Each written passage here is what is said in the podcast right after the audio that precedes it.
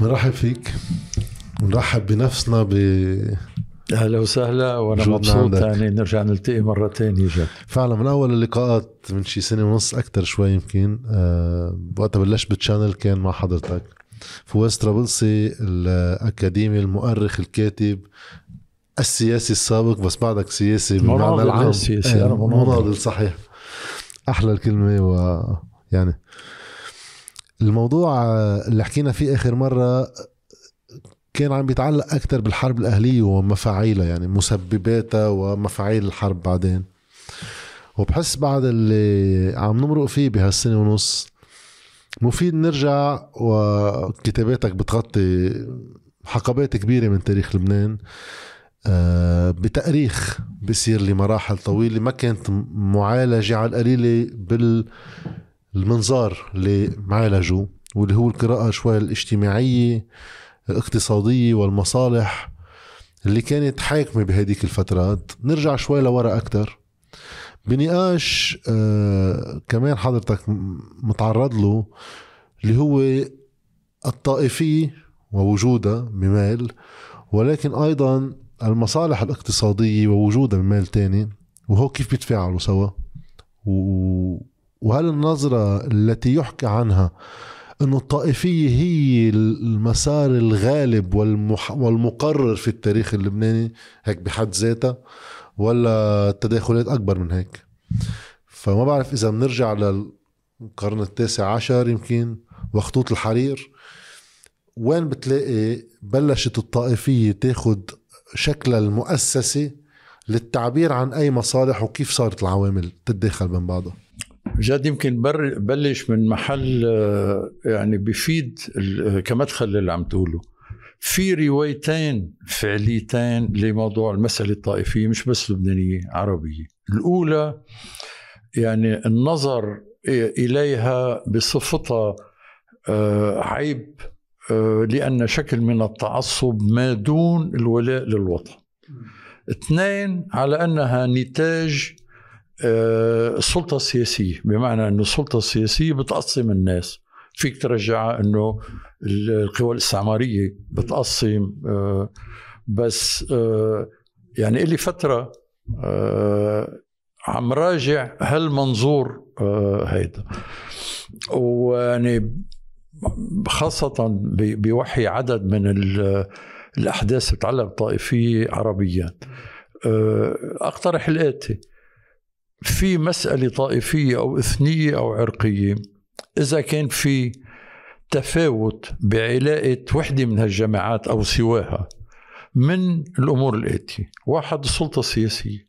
إذا في تفاوت وحدة يعني جماعة أقل تمثيلا جماعة أكثر تمثيلا أو أقل. اثنين السلطة العسكرية.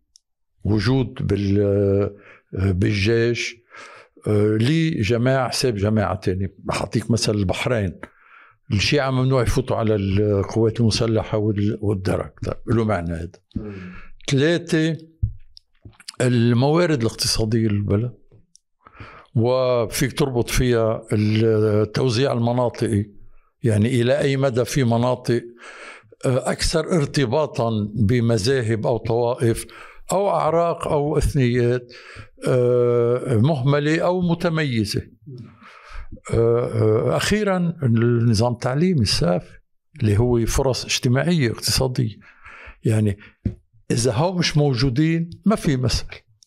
ولأنهم هو موجودين بأشكال مختلفة وبنسب مختلفة رأيي في مشكلة تداخل الجماعات مع الاقتصاد والسلطة السياسية وال وال وال وال في اللي بسميه رأس مال اجتماعي أو رأس مال ثقافي. عم بلش من هون لأنه هذا يعني مدخله التاريخي فينا نبسط ونقول إنه بأوائل القرن التاسع عشر يعني فيك تقول 1820 وطالع. في شيء بالتاريخ اللبناني يعني مميز اسمه سلسلة انتفاضات عامية. بدأت 1820 وذروتها 1860 آه، طابعها الأساسي انتفاضات ضد نظام المعتاجة يعني ذروتها إذا بدك هي 58 آه، كسروان. عندما يعني آه، ثار عامة كسروان والعامة بلبنان يعني بالتعبير التاريخي هن كل من ليسوا مناصب يعني مقسوم البلد بين مناصب يعني أصحاب الألقاب مشايخ مشايخ لا ولا ألقاب حتى عثمانية آه، الأمراء والمشايخ والمقدمين ومن لا يملك ممكن يكون يملك المال ولا يملك هذا الجاه وهذا كان الوضع الفعلي.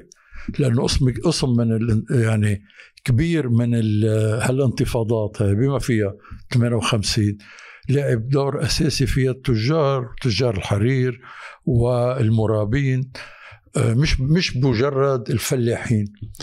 ف 58 زروتها بمعنى إنه يعني آه، انتفاضة عامية بكسروان.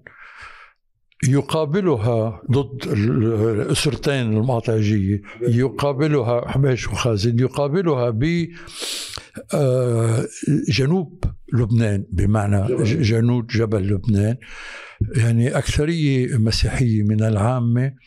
تواجه عودة قسم كبير من المقاطعجية الدروز خلينا نسميهم مثل ما هن اللي كانوا غادروا إلى حوران بسبب اضطهاد من قبل الأمير بشير اللي وزع أراضي على المسيحيين بغيابهم ويعني عادوا بقوة بعد سقوط آه، بشير وزوال يعني الحكم المصري يطالبون واحد حصتهم من العائدات الأرض اثنين الالتزامات الضرائب تبع الأكثرية السكانية بحيث أنه منطقة مثل جزين مثلا هددت عند الوالي العثماني بأنه تنتحر جماعيا وهي غير قادرة أنها تدفع هل التكليفات.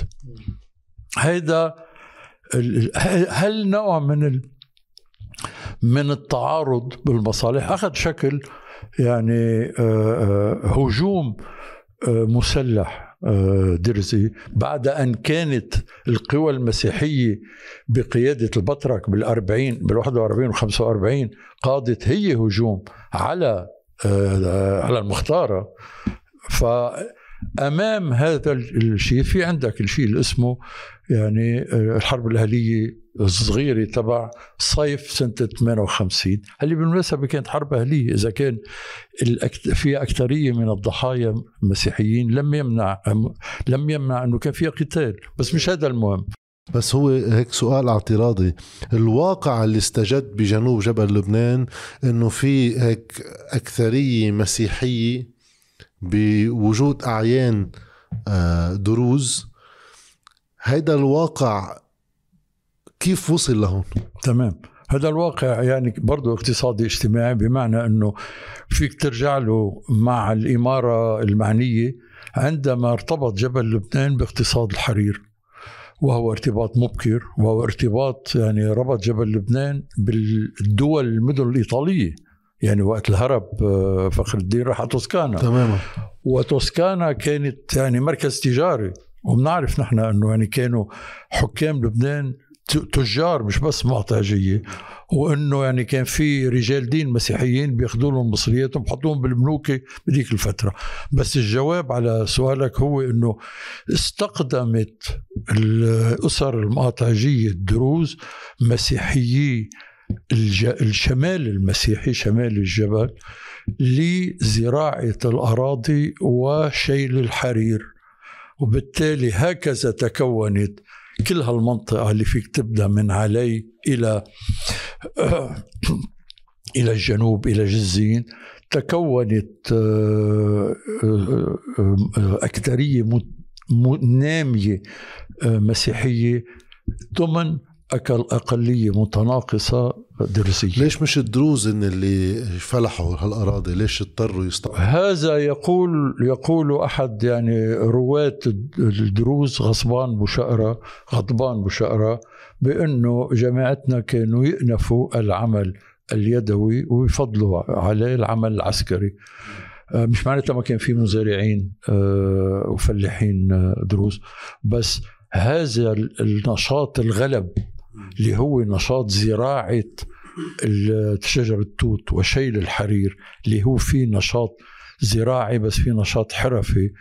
وفي يعني حلالات الحرير والعاملات في حلالات الحرير. بنعرف احصائيا إنه بين 10000 يعني عاملة وعامل اللي هن أقلية العمال كان في 8000 آه، مسيحية و2000 درزية مش معناتها ما في دروز بس في عندك هال هال الدور الاقتصادي المتزايد باقتصاد الحرير اللي وجهه الآخر وهو الأهم هو ترسمل قسم من اللبنانيين ارتباط يعني قسم منهم بالسوق الأوروبي الفرنسي بما هن مصدرين للحرير عن طريق بيروت أو مستوردين للبزر يعني بيض الحرير إلى آخره. فهذا تقسيم العمل بين الجماعات كان مهم بحيث أنه في جماعة اختصر دورة على إذا بدك التجارة وال وال والعمل الزراعي آه، والحرفي وجماعة يتزايد دورة بالملكية الزراعية الصغيرة اللي ما بنعرف عنها كثير وهذا يعني نقص مخيف بالتاريخ الاقتصادي. وتلعب قسم منها بيلعب دور آه، وكلاء آه، اصحاب الأراضي أو المسيطرين على الأرض لأنه مش ما كانوا ملاك أرض الدروز. وهم يعني مقاتلين لأنه يعني الامتياز بحمل السلاح أعطي لحاكم الإمارة ومنه إلى المقاطعجية. يعني المقاطعجي له حق يقيم آه، جيش صغير أو يرسل آه، جنود لجيش الأمير لأنه جيش الأمير مطالب بأنه يقاتل آه، بأمر السلطان أو الوالي. يعني هذا جزء من ال يعني هو هو يعني قاضي وقاضي قائد عسكري وجايب ضرائب ومسيطر على الأرض المقاطعجي أو الأمير. بس هو الجيوش الصغيرة في حال لم تستدعى للمعارك الكبرى بتصير مثل الميليشيات قائمة موجودة يعني في ناس مسلحة على الأرض. تمام. وهو وهو الأمر اللي يعني بظل الحكم المصري كسر الاحتكار الدرزي إذا بدك إبراهيم باشا عندما سلح المسيحيين برأيي لعب دور كبير ب يعني وجود كتلتين مسلحتين وبتنظيم أول هجوم آه، من آه، مقاتلين مسيحيين ضد المناطق الدرزية. بعدنا عم نحكي على أيام الأمير بشير. بعد ما وصلنا ل يعني الأربعينات. ف يعني بهال بهالقسمة العمل هيدي الاجتماعية الفعلية إيه كان سهل إنه القتال ياخذ وجه يعني قتال يعني درزي آه، مسيحي. هلأ المهم شو صار بناء عليها؟ هل يعني ما بنحكى عنه كثير وهو إنه يمكن هيدي ثاقبت بدأ الاهتمام يعني الدول الغربية بالسلطنه العثمانية وبدأ اهتمام الأوروبيين بالمنطقة وخصوصا يعني نابليون الثالث اللي كان آه، أتم احتلال الجزائر وطرح فكرة اسمها المملكة العربية. بداها أنه ما لازم نعمل نحن بس احتلال لازم العرب يحكموا أنفسهم بظل فرنسا بالجزائر ونقل الفكرة على السلطنة العثمانية واختار لها الأمير عبد القادر الجزائري. هل ولا مرة قبل المشروع. بس هذا كان بدء الاهتمام الفرنسي بما سمي سوريا وقتها.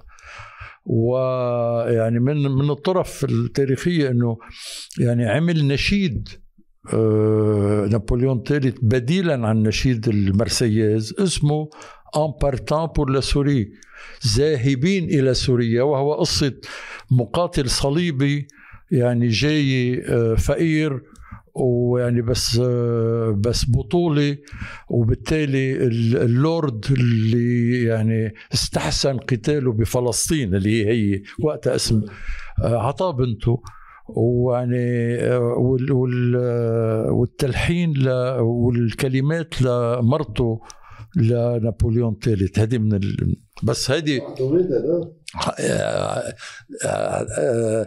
عزفوا له اياه عندما خرج منهزما قدام الألمان.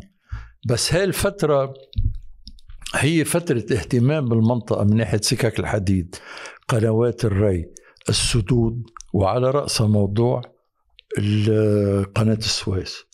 وبلبنان يعني بدا نمو اللي فيك تسميه يعني آه، إنتاج كولونيالي بمعنى مونوكولتور منتوج الأوحد اللي هو القسم الأكبر من جبل لبنان بات منتجا لمادة وحيدة هي الحرير وتشتريها مدينة وحيدة اسمها اليوم وما ترتب عليها.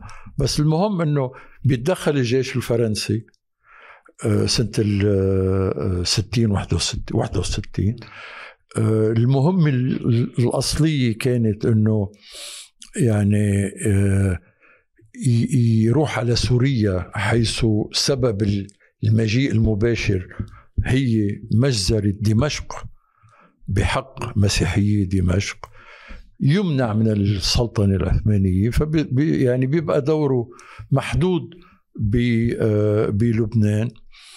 آه، يعني السماح بعودة المسيحيين إلى أعمالهم وأراضيهم.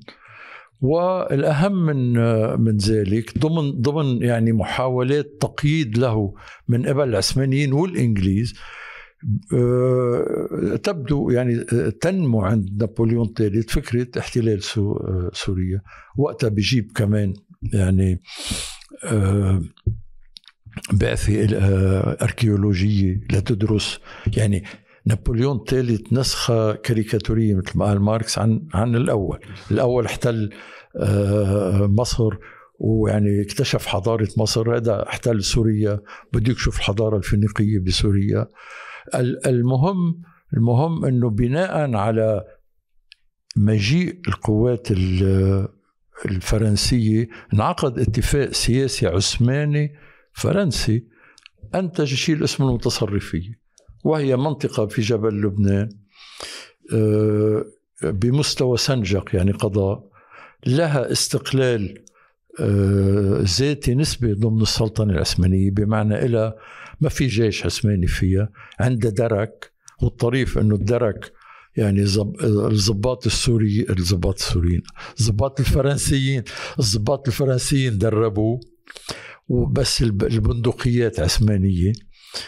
واعتمد آه، لأول مرة بتاريخ السلطنة العثمانية مبدأ الانتخابي بحيث إنه كل قرية وبلدة من قرى جبل لبنان اللي هو عم نحكي صرنا يعني من شمال كس... شمال البترون وصولا إلى يعني جبل عامل آه، إلى نهاية آه، جزين.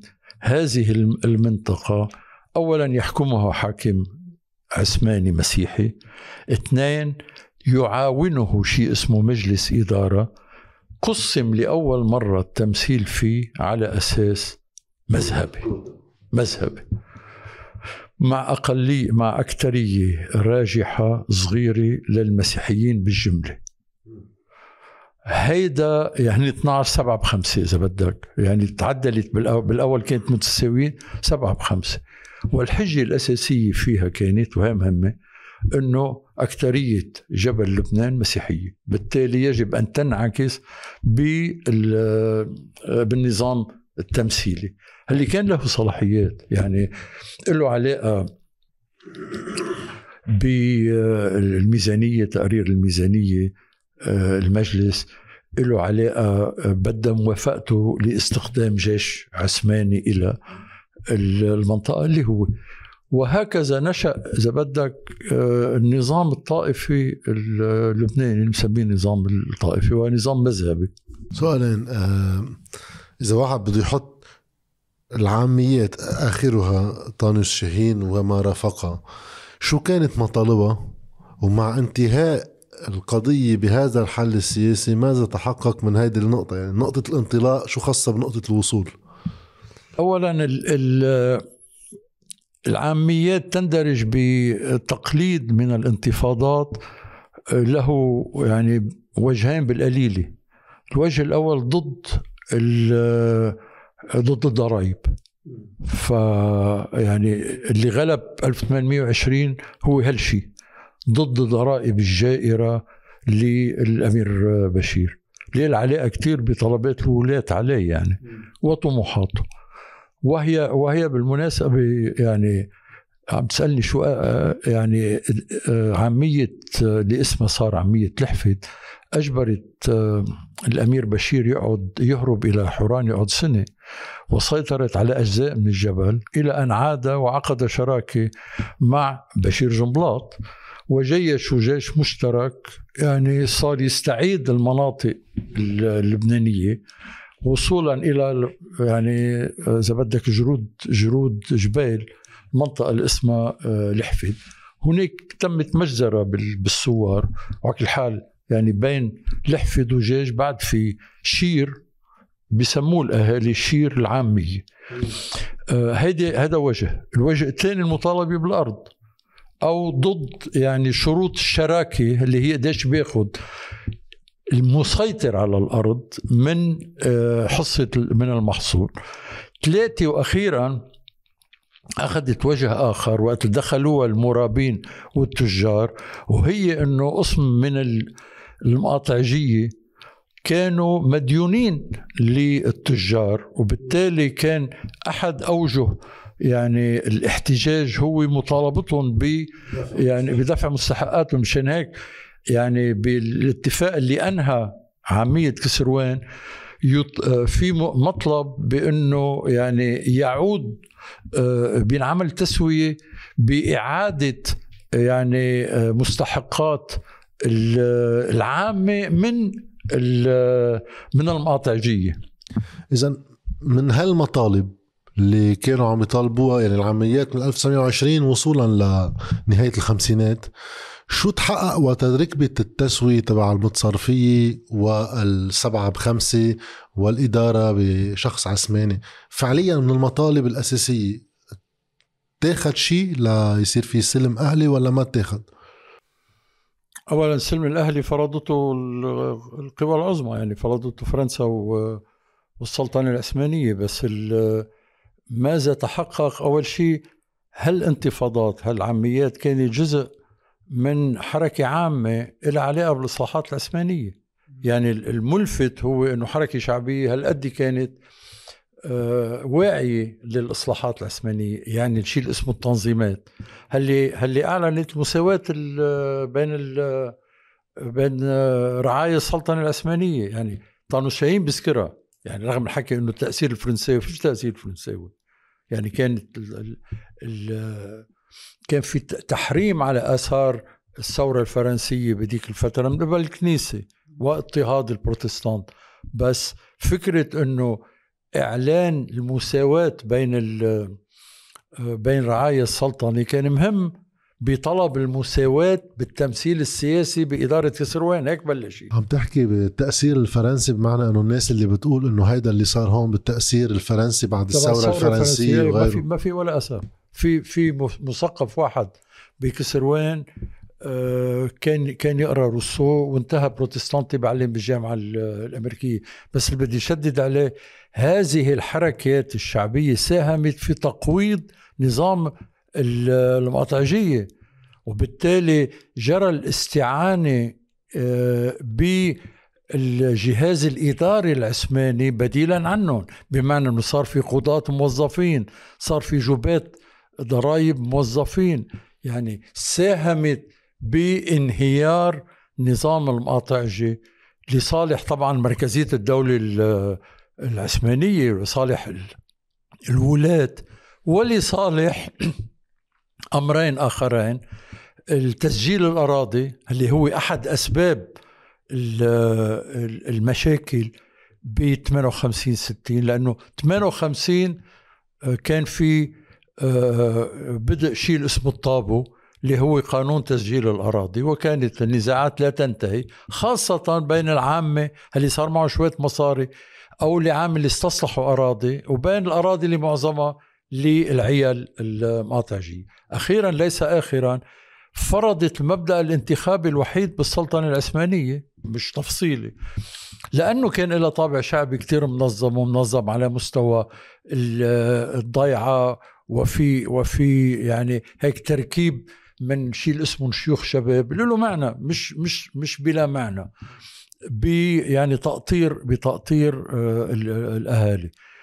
إنما الاستقرار الذي تم وهو الفترة اللي يعني انتعش فيها جبل لبنان إذا بدك هو بظل هذا الاتفاق العثماني الفرنسي اللي طبعا يعني له صلة وثيقة بأنه العثمانيين بناء عليه وعلى أشياء أخرى وافقوا على فتح قناة السويس اللي يعني كان المشروع الرئيسي لنابليون الثالث واللي يعني آه، أخذ من حقوق الأمريكا الإنجليز يعني النفوذ هي طريق الهند.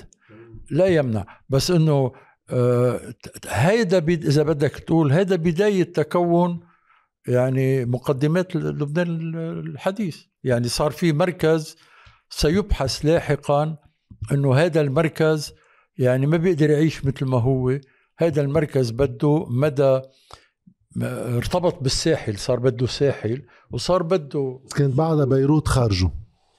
بيروت اداريا خارجه بس فعليا جبل وبيروت كانوا موحدين لأنه كل يعني صادرات الجبل اللي هي بالدرجة الأولى الحرير تمر عن طريق بيروت ويعني كل مستورداته تأتي عن طريق آه، بيروت.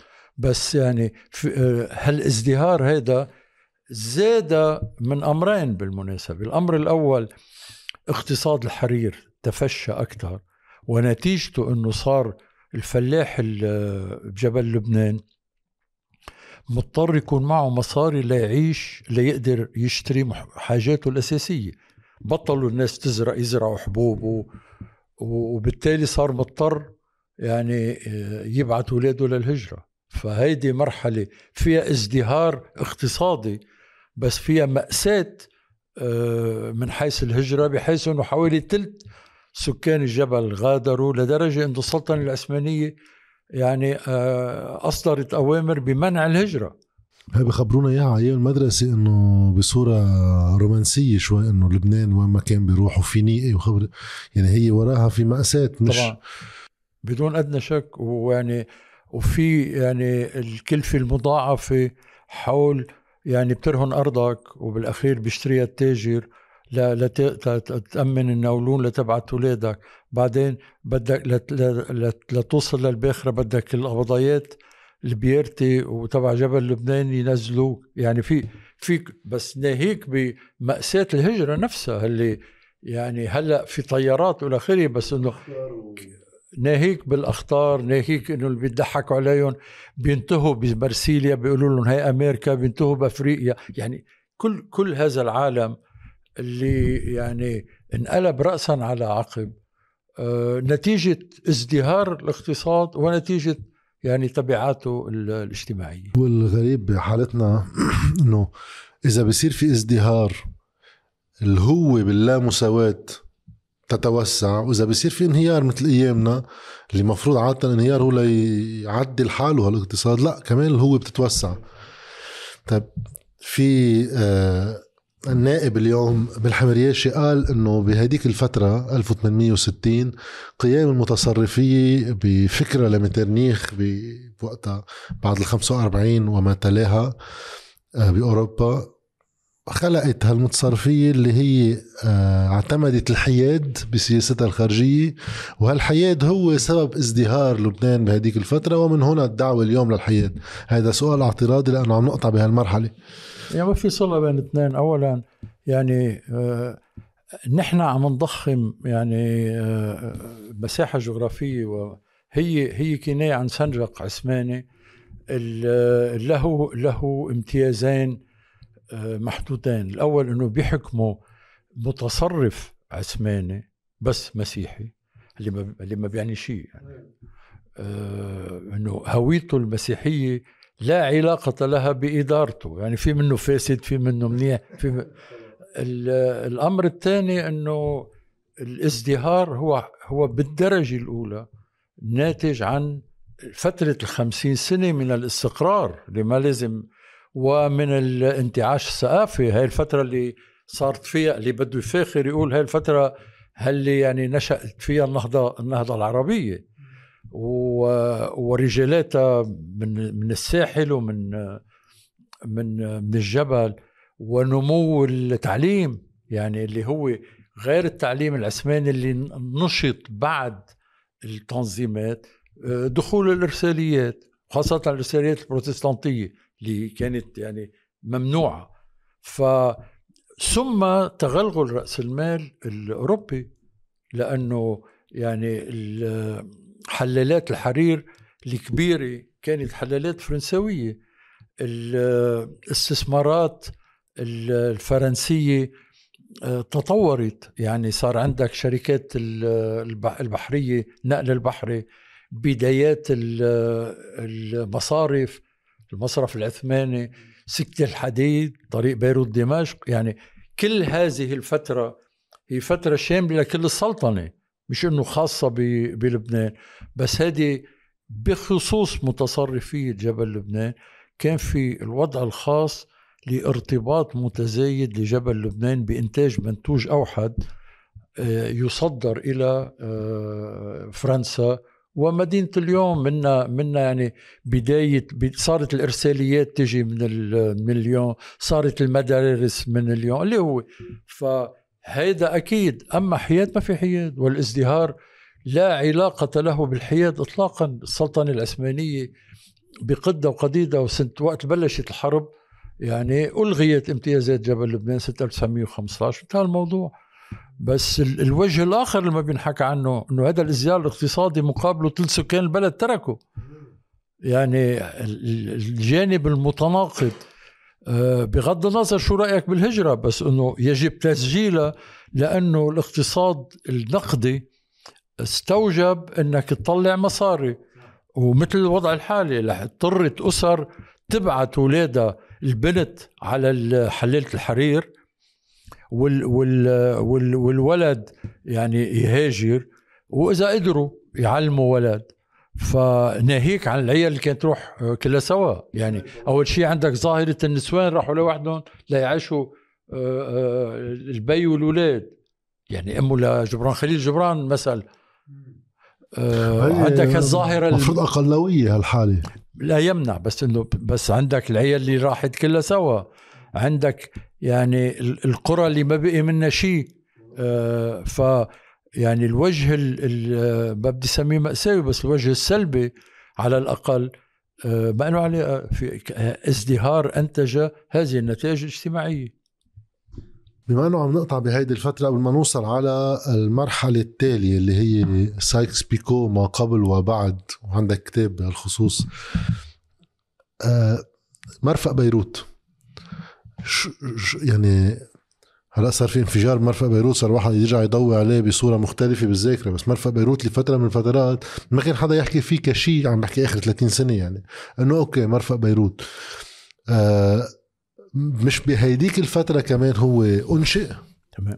يعني هذا اللي ما فاتني أقوله. طبعا هو إحدى يعني المصالح الكبرى اللي هي مرفق بيروت بالمناسبة اللي مصلحة فرنسية في لبناني عثماني أخذ الامتياز بس باعه للفرنسوية. وأهم ما فيها بالإشارة للشيء اللي حكيناه ولا بنرجع بنقوله. مرفق بيروت المصالح الفرنسية فيه منعت نشوء مرفق بجوني لأنه المطلب داخل المتصرفية كان أنه طيب المتصرفية عندها ساحل هو من من جوني لطرابلس فلماذا لا تستخدم يعني آه، مرفقة ف وكانت كان مطلب واقعي ومطلب له مصلحة في يعني تصريف في في رجال أعمال مستعدين يستفيدوا منه. فقمع هذا باسم وحدانية مرفأ بيروت كما سيقمع لاحقا يعني أي مرفأ آخر. بس أساسي مرفأ بيروت ويعني إذا بدك تكمل آه، الشيء اللي هلأ بنعرفه أكثر وأكثر عن التاريخ محورية مرفأ بيروت في تكوين لبنان. في تكوين لبنان سنة 1920 خلينا نحكي عنها ال 1920 إيه اولا يعني مطلوب تبديد خرافات عديدة حول حول موضوع شنو سايكس بيكو. ما رح أدخل فيها بالتفصيل بس إنه في يعني مثل ما في مظلومية المجاعة.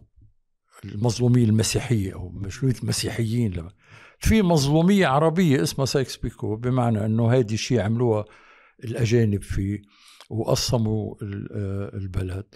وكلها إنها سرية وإنها هي بعد الخارطة تبعت سايكس بيكو هي خارطتنا الآن. طبعا هذا كله تخريط لأنه لأنه اولا هي مش سرية يعني اللي كان معنيين فيها عرفوها دغري اللي هو الشريف حسين اجى بيكو وسايكس خبروه وبس الشيء الثاني ما بينقال قبل ما تكون اتفاقية تقسيم بعتقد ما حدا قاري الاتفاق يعني من من سوء حظي إني ورطت حالي بالورد. سايكس بيكو هو تكريس لوعد فرنسي بريطاني بدعم نشوء دولة عربية مستقلة برئاسة زعيم عربي حرفيا بالنص. هلأ هي تكريس للاتفاق الأصلي البريطاني العربي اللي عامله مكماهون مع الشريف حسين. هلأ خافوا الإنجليز ينعرف فراحوا عند الفرنسوية على اعتبار أنه اللي واعدوا فيه هي أراضي تطالب بها فرنسا. فانعمل هالتركيب اللي اسمه آه، آه، دولة مستقلة يرأسها قسمها آه، الشمالي في نفوذ فرنسي الجنوبي في نفوذ بريطاني الساحل كله سيطرة فرنسية يعني من الإسكندرونة ليافا لحيفا والشرق هو بلاد الرافدين بريطاني. هاي الاتفاقية الفعلية يعني بسموه وعد بلفور الوعد الفعلي هو الوعد الآخر لنسميه هو الوعد بدولة عربية. مقابل هالوعد كان على أساس يعلن الثورة وهكذا حصل. خلينا بس ننظمها شوي للفكرة. هيدا الحدود اللي عم نحكي عنها بالوعد هي فعليا ما هو اليوم سوريا لبنان فلسطين أردن والعراق. والحجاز يعني تبدأ من الحجاز والى شمال سوريا. أوكي؟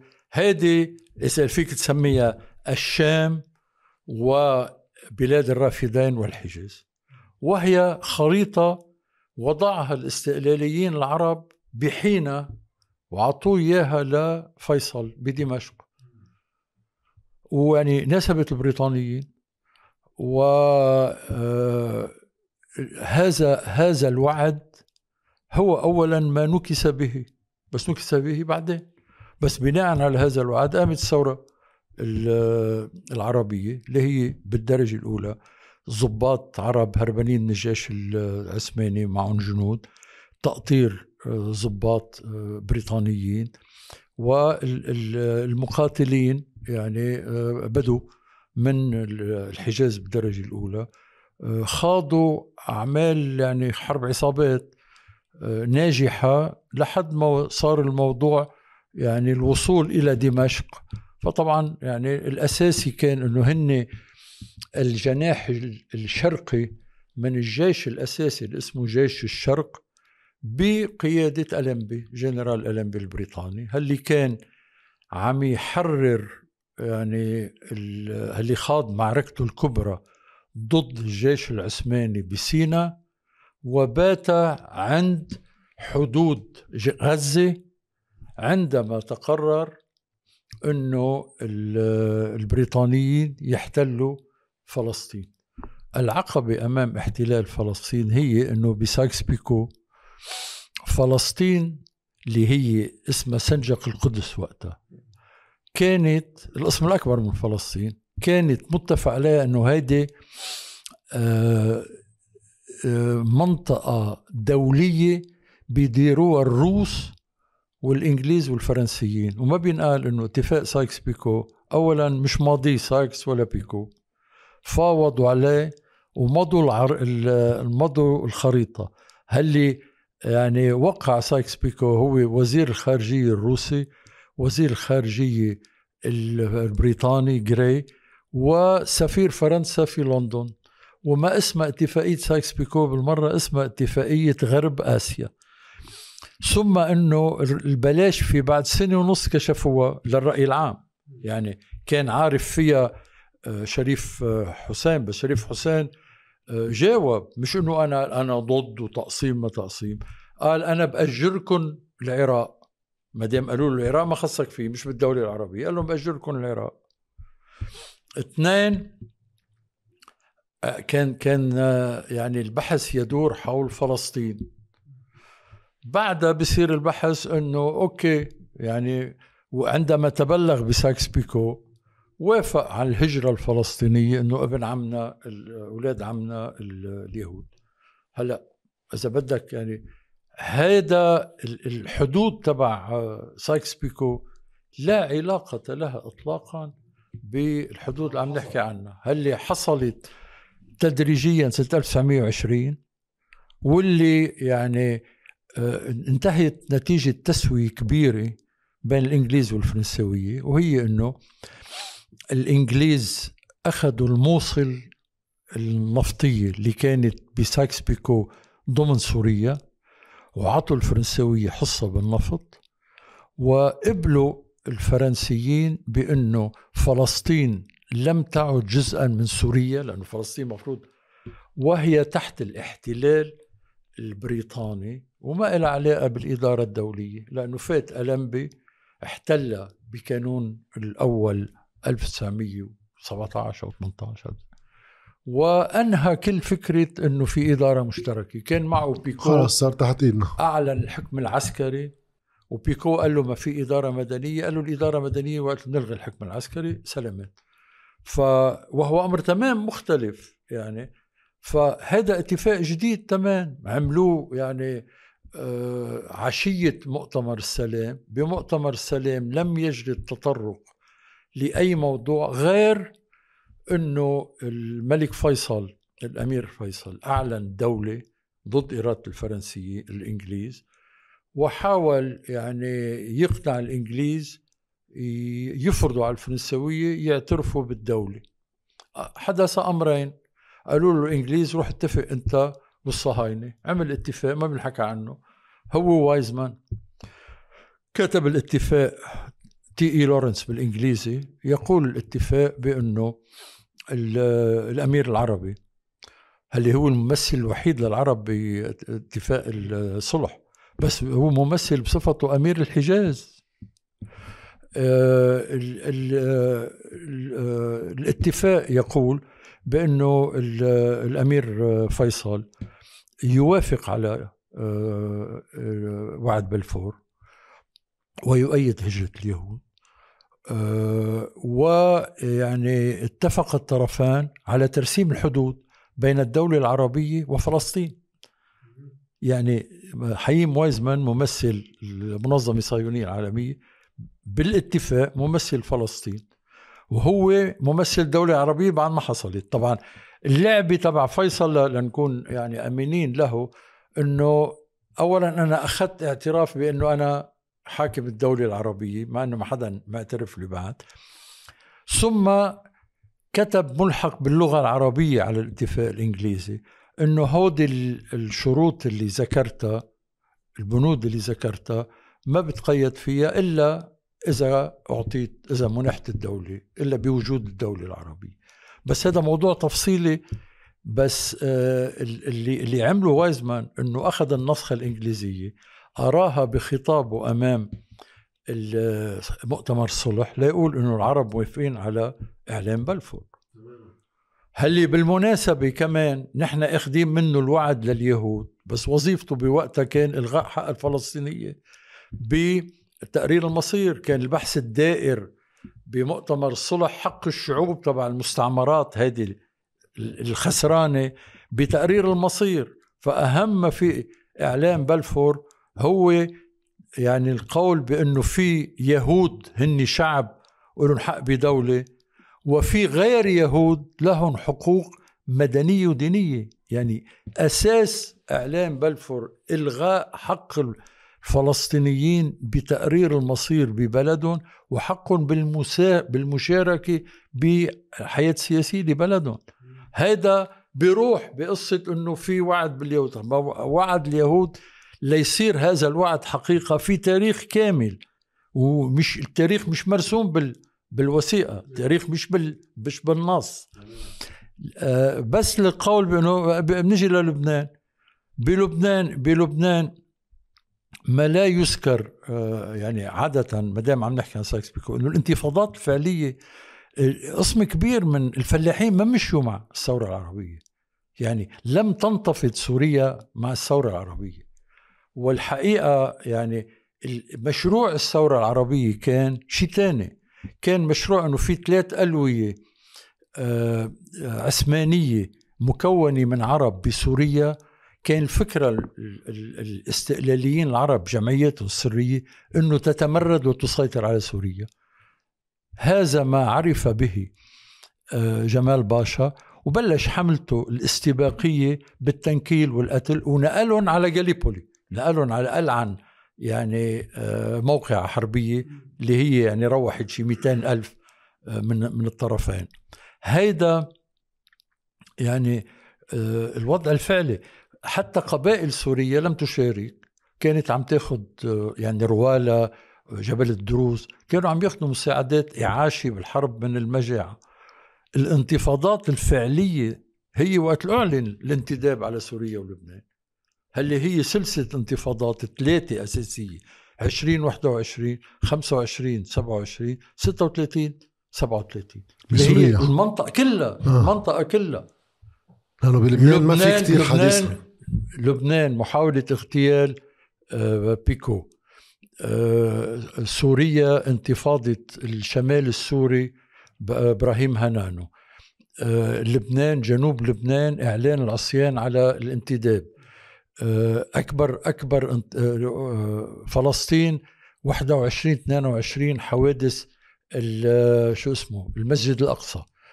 العراق 21 أكبر انتفاضة اللي جابوا جابوا جيوش من الهند لقمع الإنجليز ضد الحكم الإنجليزي اللي بناء عليها جيء بفيصل ملكا.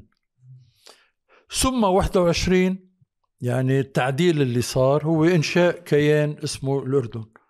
وبالمناسبة ما بنقال إنه كيان الأردن أخذ شقفة من من الدولة اليهودية لأنه الدولة اليهودية كانت بتوصل لخط سكة الحديد تبع بغداد. يعني تبع شو اسمه سكة حديد آه، الحجاز اللي فيه 30 كيلومتر عبر النهر للضفة الشرقية. راحت هيدي.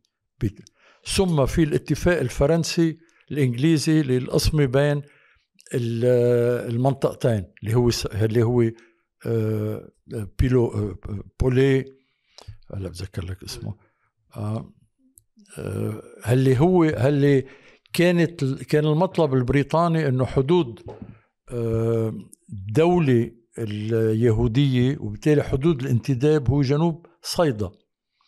فنزل إلى المنطقة اللي يعني هو موجود عليها هلأ اللي هي آه، ناورة لأنه حدود صيدا كانت تعني أنه الحدود الدولة آه، حدود الانتداب البريطاني بتصل شوي جنوب دمشق إذا بتعملها مثل ما كان. وبيروح فيها كل الجولان وبتروح مصادر المياه. فتقاسموا المي بهذا الاتفاق آه، لأنه يعني بالاخير بالأخير آه، وافقوا الفرنسوية إنه نهر الأردن لبريطانيا وروافده لفرنسا اللي هي يعني جنوب لبنان و آه، والجولان. يعني فعليا لأنه عم تقول عن موضوع ال 1920 قبل سايكس بيكو سايكس بيكو بمحل تاني. تطبيقات آه، آه، الحدود كما رست عليها الأمور بعدين هلأ عم تحكي عن المياه عم تحكي عن الجولان عم تحكي الاقتراب من دمشق. هي تطبيقات المصالح المنتدبة منتدبة عفوا لأنه هو قوة منتدبة منا مفروض آه لتدبير أمور الاقتصادية بالمنطقة والعسكرية الأمنية. هو إذا بتبلش شو الدور المحلي؟ يعني يوصل إذا هون في أدوار محلية؟ وصل تمام بس هو هو اللي اللي يعني يجب الانتباه له إنه بموضوع إنه كل شيء عمله إنه آه، آه، قصمه. اللي هو بيتحول إنه في واحد اجى احتلك ليقصمك. مش إنه قسمك لي... لي... لتسهيل احتلالك و... واستغلالك. بس عندك يعني وقت بتبحث تدرس كيف تحيك توازع القوى والمصالح بين الإنجليز والفرنسيين. في أشياء كثير معقدة. اولا كان احتلال فلسطين غرضه الأساسي منع الفرنسوية يوصلوا للضفة الغربية من قناة السويس إنه هاي النا لأنه بالاتفاق إذا هي منطقة دولية فيها الفرنسوية والروس إلى آخره خاصة إنه حرروها لسينا بالكلفه العاليه ضد العملية الأساسية الحربية اللي تمت اللي هي الجيش الجيش الرابع وجمال جمال باشا اللي حاول يحتل قناة السويس. هذا هذا هذا الاثنين العراق بالنسبة للإنجليز طريق الهند. ثلاثة كل مرفق له بحث قائم بذاته. أربعة في سكك الحديد. عندك سك يعني كله والثروات الطبيعية والمصائب الثروات الطبيعية مثلا في تقرير فرنسي. الفرنسويه كانوا مترددين بسوريا. كانت ال ال ال يعني كليمانسو اللي هو راديكالي ضد الحرب. كان رأيه إنه شو بدي منها؟ ما بعده عم يبحثوا إنه طيب نحن بدنا نستعمر دول تاني. بعد يعني بعثة مشهورة من مش بعت هو غرفة التجارة ليون ومارسيليا عملوا بعثة اقتصادية إجت على درست آه، الاقتصاد تبع سوريا. كان أحد أبرز يعني الاقتصاديين فيها آه، شو اسمه الأب اللي المبني لا البري بعدين. لا المب اللي الشارع اليسوعيه على اسمه. المهم آه المهم إنه عنوان التقرير كتير حلو. هو كوفو لا سيري شو بتسوى سوريا؟ والنقاش كله القول إنه بتسوى. إنه في قطن إنه في ثروة مالية إنه في الحرير اللبناني في مصالحنا التعليمية. يعني سوريا عم يحكوا مش سوريا اليوم سوريا المنطقة كلها؟ إيه. إيه على أساس إنه هذه آه فدراسه طريفة جدا لأنه البحث رح يصير وهذا المهم إنه يعني شو المصالح الاقتصادية اللي يعني تنشأ بالانتداب. وكلمة انتداب كثير مهمة لأنه الفكرة الأساسية بالانتداب أصلا جاية من رئيس الوزراء الجنوب أفريقي اللي رايه الانتداب المستعمرات كلها اللي احتلت اللي هي مستعمرات إيطاليا ومستعمرات العثمانية مش إيطاليا بدي أقول ألمانيا. كلها آه، صار البحث شو نعمل فيها. فبالنسبة للولايات العربية دول مهزومة بالحرب العالمية الأولى. آه، ابتكر فكرة اسمها الحضارة النمو الحضاري. يعني بدك واحد عنصري مثل رئيس وزراء. وبالتالي قيل إنه العرب بسبب ماضيهم التليد يعني ينعمل حكم غير مباشر بيتولوا هن أنفسهم. وبالتالي الانتداب وظيفته إنه يأمن الانتقال. إيه من عدا من عدا فلسطين. فلسطين ما في لا دستور ولا مؤسسات إلى آخره. لأن لو عملوا عملوا مؤسسات كانت بتكون أكثرية عربية بتلغي بلفور وإلى آخره. بس كثير مهم السبب الأساسي هو إنه الدول المنتصرة كانت مفلسة وبالتالي عندها شي مليون جندي بالمنطقة وأهم شيء كان همه لواحد مثل تشرشل لأنه وزير المستعمرات إنه بدي شيلهم ما فيني ادفع كلفتهم بالتالي جيبوا لي عرب يحكموا. بالتالي هيدا الشيء اللي فيك تسميه النيو كولونياليزم أسس بالمشرق العربي اللي بعدين بصير بكل البلدان إنه أنا بسحب جيوشي والموظفين تبعولي حكموا بس تحت نفوذنا. وهذا ما حصل. وهذا نظام الانتداب. لدرجة إنه كان مهم انه يوفروا كلفة الجيوش بانه ابتكروا الشيء اللي اسمه الرقابة الجوية إنه أرخص بكثير فكمان بعهدة يعني وينستون تشرشل انعمل شيء اسمه كيف نراقب المناطق المحلية بواسطة الطيران. هذا أرخص شيء. وهيدي الفترة اللي اخترع فيها غاز الخردل. وهي الفترة اللي قصفت فيها أول مدينة عربية. من قوى غربية دمشق سنة 1925 يعني معلش الواحد عم يفصل بال... بالتاريخ الكولونيالي بس لتيجي ل... لتيجي للبنان. بلشت أنت بموضوع المرفأ.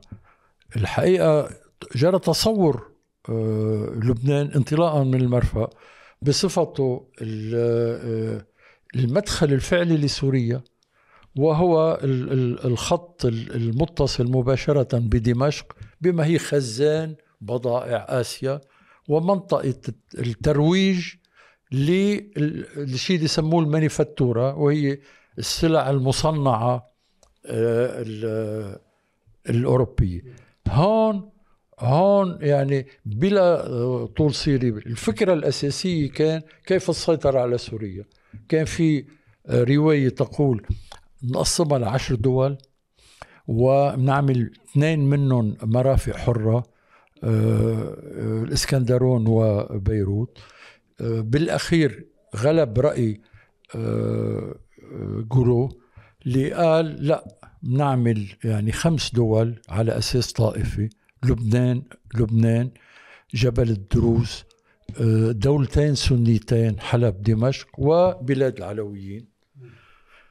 وهو كان رأيه بيروت آه، مرفأ مستقل للكل لسوريا قاطبة. جورو. ومن أجل احتكار بيروت ضم طرابلس المسلمة بأكثريتها إلى آه، لبنان. طبعا كان في سبب تاني اللي يعني كثرة المسلمين هو إنه المطلب الرئيسي لأهل جنوب لبنان اللي طلع معهم فكرة لبنان الكبير هو إنه لبنان الكبير ما بيقدر يعيش بلا آه، سهول منتجة للقمح وللحبوب. وقتها سهل البقاع أساسي البقاع وعكار. وعكار. فيعني هكذا جرى توسع وتوسيع هذا الكيان وهو مطلب متناقض مع مطلب اللي كان سائد هو لبنان المسيحي. بالتالي يعني في كتير نكت وقتها إنه طيب ما يعني بدكم لبنان الكبير صغرتوا مارون مثلا يعني قصيدة ولا بذكر لمين. آه ثم إنه يعني آه لم يوافق آه فرنسيا بالوزاره الفرنسية ميليران ما وافق على ضم طرابلس إلا سنة 26 وبقيت يعني طرابلس و آه، أقسام المنيا وعكار وإلى آخره معتبرة مؤقتا آه، آه، بلبنان. فما نشأ من لبنان غلب عليه الاعتبار إذا بدك الكولونيالي على الاعتبار الطائفي لأنه انتهت الأكثرية المسيحية فيه. يعني بتوزيع السكاني كان في شيء 40 ألف مسيحي زيادة. سنة هل 26 سنة العشرين؟ سنة العشرين. وإذا بدك يعني 20 ل 23 23 رسموا الحدود الجنوبية.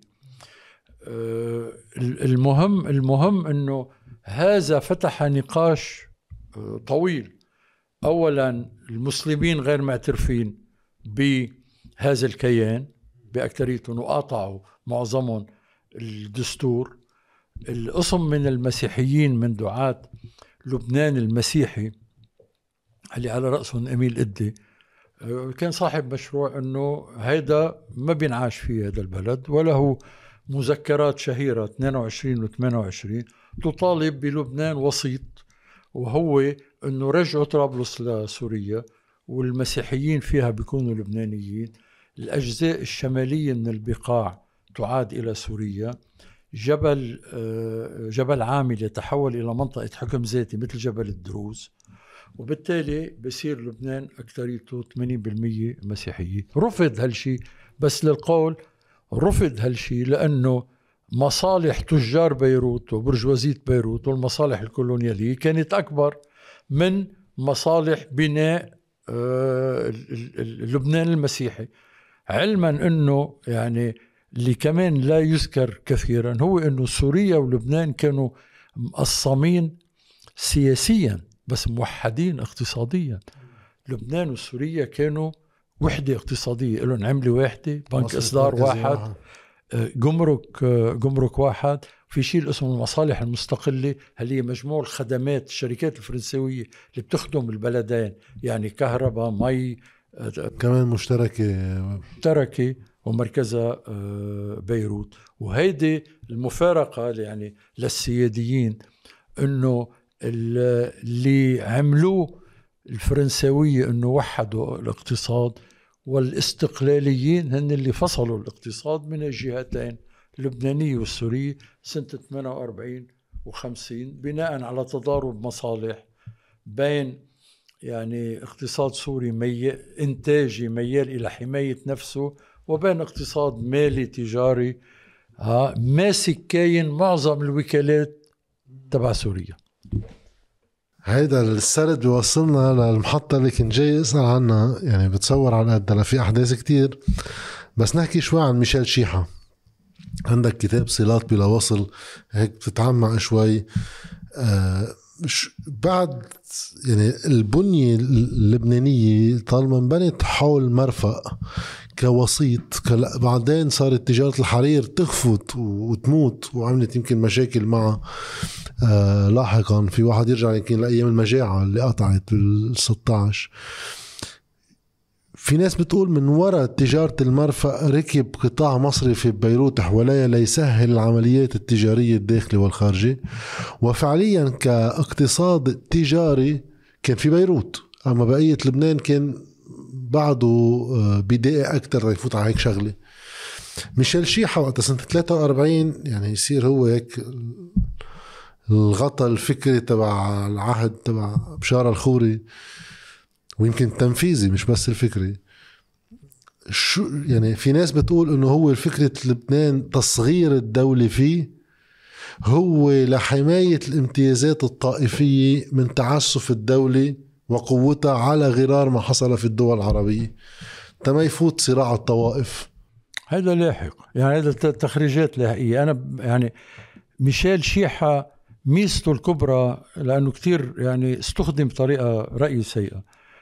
ميزته الكبرى إنه في واحد عم يبني النظام السياسي الاقتصادي القيمي وعم يخبرك إياه قبل أي شيء تاني. في واحد عم يقول لك هذه مبادئ لتأسيس آه، البلد. اولا الاقتصاد حر آه، السياسي تقليديه الاقتصاد هو المرفأ والساحل والبحر. اللي بيحمي هو الجبل والطوائف. واضح. واضح العلاقة بيناتهم بس الفصل بالعلاقة.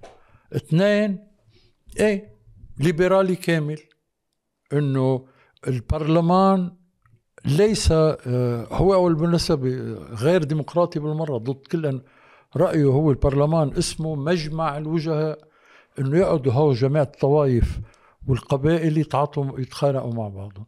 السلطة بمحل تاني. الإدارة هي لخدمة الأعمال. الإدارة مشان هيك هو كان ضد طائفية الوظيفة. مع طائفة التمثيل السياسي بس مش طيب رأيه ماشي البلد مليان خريجية يسوعية ها بيخدموا بيخدموا رجال الأعمال. هلا جايب لي بدك تجيب لي تعين ناس لأنه المسلمين بصيروا قدهم إيه ما تعمليها كوتا. تمام. كان ضد الكوتا علنا مكتوب يعني ثم ثم بالعلاقات الدولية هذا البلد يتبع القوة المسيطرة على المنطقة. عشان هو كان أمريكاني. شيخ شيحة كان رأيه بعد الحرب العالمية الثانية العالم ب تحت هيمنة قوة جديدة. نحن لازم ننضم للأمريكان وهو اللي أنا بشار الخوري يبعث شار المالك يعني مندوب للأمم المتحدة ثم سفير. آه، عربيا إيه نظريته إنه في الصحراء وفي شوي مأخوذة من شار القرم في الصحراء وفي المي. آه، بس الأساسي بموضوع فلسطين آه، ضد الصهيونية لحد ما صارت دولة على أساس الصهيونية هي نقيض لبنان مش من ناحية تعايش وبيحكي عن نقيض لبنان بصف اقتصاديا إنه هذا اقتصاد صناعي غربي يعني آه، بيجتاحنا. ونحن تجاري آه، آه، مالي. طبعا هو صاحب نظرية إنه هذا البلد ضد هو ضد التصنيع. ضد التصنيع لدرجة أنه فرض أنه ما بتنعمل ما بينعمل مصنع إلا بمرسوم حكومي. بعده لهلا.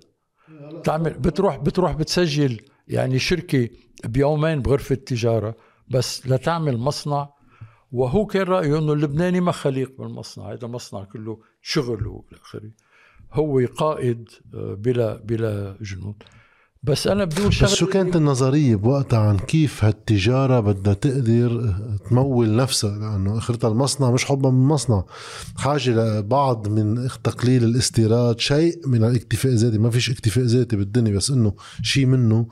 ويمكن صادرات. طيب إذا واحد بيقطعها بصورة عقائدية براسه هذا الشخص بيشتغل بالقطاع الأمريكي عنده بنك يعني. كيف كانت الفكرة واحد إنه يقول لبنان هيك يعني أرض للتجار؟ هو اولا يعني تبرير انه الحياة لبنان بلد شعب من التجار مبني على فينيقيا اللي هو يعني طبعا تخريجي آه، خرافيه بس آه، هو هو اللي ركب عليه آه، شيحة هو بدء دور لبنان العربي مع النفط. هذا اللي رأيه ما بده في شيء يفسره. وهو يعني قبل إذا بدك قبل ك يعني الدور الأول العربي كان هو إنه لبنان كان الممر لتجارة الذهب الرايحه على السعودية بالدرجة الأولى حيث كان أول شكل لتخزين الأموال يعني البترودولارات إذا بدك هو الذهب وهون الثروات الكبرى وفي وثائق واضحة يعني قديش يعني وفيها من المربوطين فيها بالدرجة الأولى حسين العويني بصفته كان مدير بنك هنيك فرعون شيحة بنك فرعون شيحة. هاي أول بس الشيء الثاني أنت عندك بالأربعينات بدأ الازدهار الكبير لدور لبنان مع الدول النفطية. يعني في عندك العراق لما عندك الكويت وعندك السعودية وقتها هول مهمين. شركات طيران ودليلها أنه في عندك مواطن سعودي اسمه حسين العويني صار رئيس وزراء. والشيء اللي لازم ينقال واللي ينسب إلى آه، شيحة وحده مش صحيح إنجازات الاقتصاد الليبرالي نفذها آه، شخصين واحد اسمه حسين العويني والثاني اسمه رياض الصلح. وزير الاقتصاد لمعظم آه، المراسين ومشاريع القوانين حول الاقتصاد الحر كانت وزير آه، اقتصاد حسين العويني رئيس وزراء آه، رياض الصلح هو حسين العويني والذي غطى القطيعة سوري والذي غطى القطيعة الاقتصادية السورية اللبنانية اسمه رياض الصلح فلما ينعمل بس إنه هاي الم... وهذا كان أغنى أعضاء الأوليغارشيا اللبنانية وقتها حسين العويني. بالعدد يعني الأخير من مجلة بدايات أنا ناشرين آه، نصين واحد نصين أمريكانيين واحد بفصفص آه، شيء اسمه السيطرة السياسية للطبقة التجارية اللبنانية. في عندك كل مين؟ العشر عيال اللي بيقربوا ل آه، بشار الخوري ومين الحلقات الوسيطة اللي حولهم وتقدير ثرواتهم. وفي عندك الوثيقة الثانية كثير معبرة وهي نعيم أميوني نائب وزير نائب, نائب مدير الاقتصاد يرد ضمنا على شيحة بيقول له أنه الاقتصاد التجارة مسهل للاقتصاد وليست كل الاقتصاد ويدعو إلى اقتصاد إنتاجي. طبعا معطر من وقتها يعني آه، معروف شو صار. بس آه، للقول بأنه آه، شيحة شيحة أحد بنات النظام كله سوا. آه، مع مع كل ال ال الجانب الديني منه والجانب اللاديمقراطي يعني شيحة كان مع الملكية بفرنسا وكان كل 14 تموز يكتب افتتاحية يسب فيها الجمهورية. و, و هو هو يعني داعية رئيس قوي إنما يعني ما وقف مع بشار الخوري وقت بشار الخوري قرر يجدد. يعني آه، أحد كتاب الدستور متمسك بالدستور رأيه لبنان لازم يتبع الدولة الأقوى دوليا ما في بحث إنه هو رايه الاستقلال تبع لبنان تم 1920 وقت الفصل لبنان عن سوريا. 1943 بيسألوا شارل حلو طيب إنه منيح. وين الاستقلال؟ قال له ماشي نحن انتقلنا من يعني متجر آه، فرنساوي لانجليزي لأنه الإنجليز ماسكين المتوسط. بس هذا آه، مبدأ عام. بفلسطين وقت آه، قامت دولة فلسطين صار من دعاة الأحلاف اللي قدموه الإنجليز والأمريكان وخلاصة البحث أنه نحن ممكن نتعايش مع إسرائيل من ضمن حلف اللي كان اسمه وقتها حلف الدفاع عن المتوسط هيدا اللي اختلف فيه مع بشار الخوري بشار الخوري أمينا على الميثاق بأنه لبنان ما بيدخل بأحلاف وقف ضد وبالتالي أسهم الشيحة بإسقاطه يعني نواب شيحة ما صوتوا له. وشيحة وقف أكثر وأكثر مع كميل شمعون بالحزب الدستوري ضد آه، الاستقلال الفعلي اللي كان منافس له اللي هو آه، فرنجية اللي هو آه، يعني الفكرة إنه دور شيحة كان شديد القوة مش بس فكريا يعني. إيه بس حتى إنه يوصل يصير في نواب يقدر يمون عليهم بإسقاط رئيس الجمهورية يعني سطوته واسعة. قول قول إنه حدا بهالقوة المالية والاقتصادية اللي كان فيها. طبعا بس إنه يعني آه، اسكندر ياشي كان يكتب إنه هذا يعني عاطي معاشات لثلاث ارباع النواب.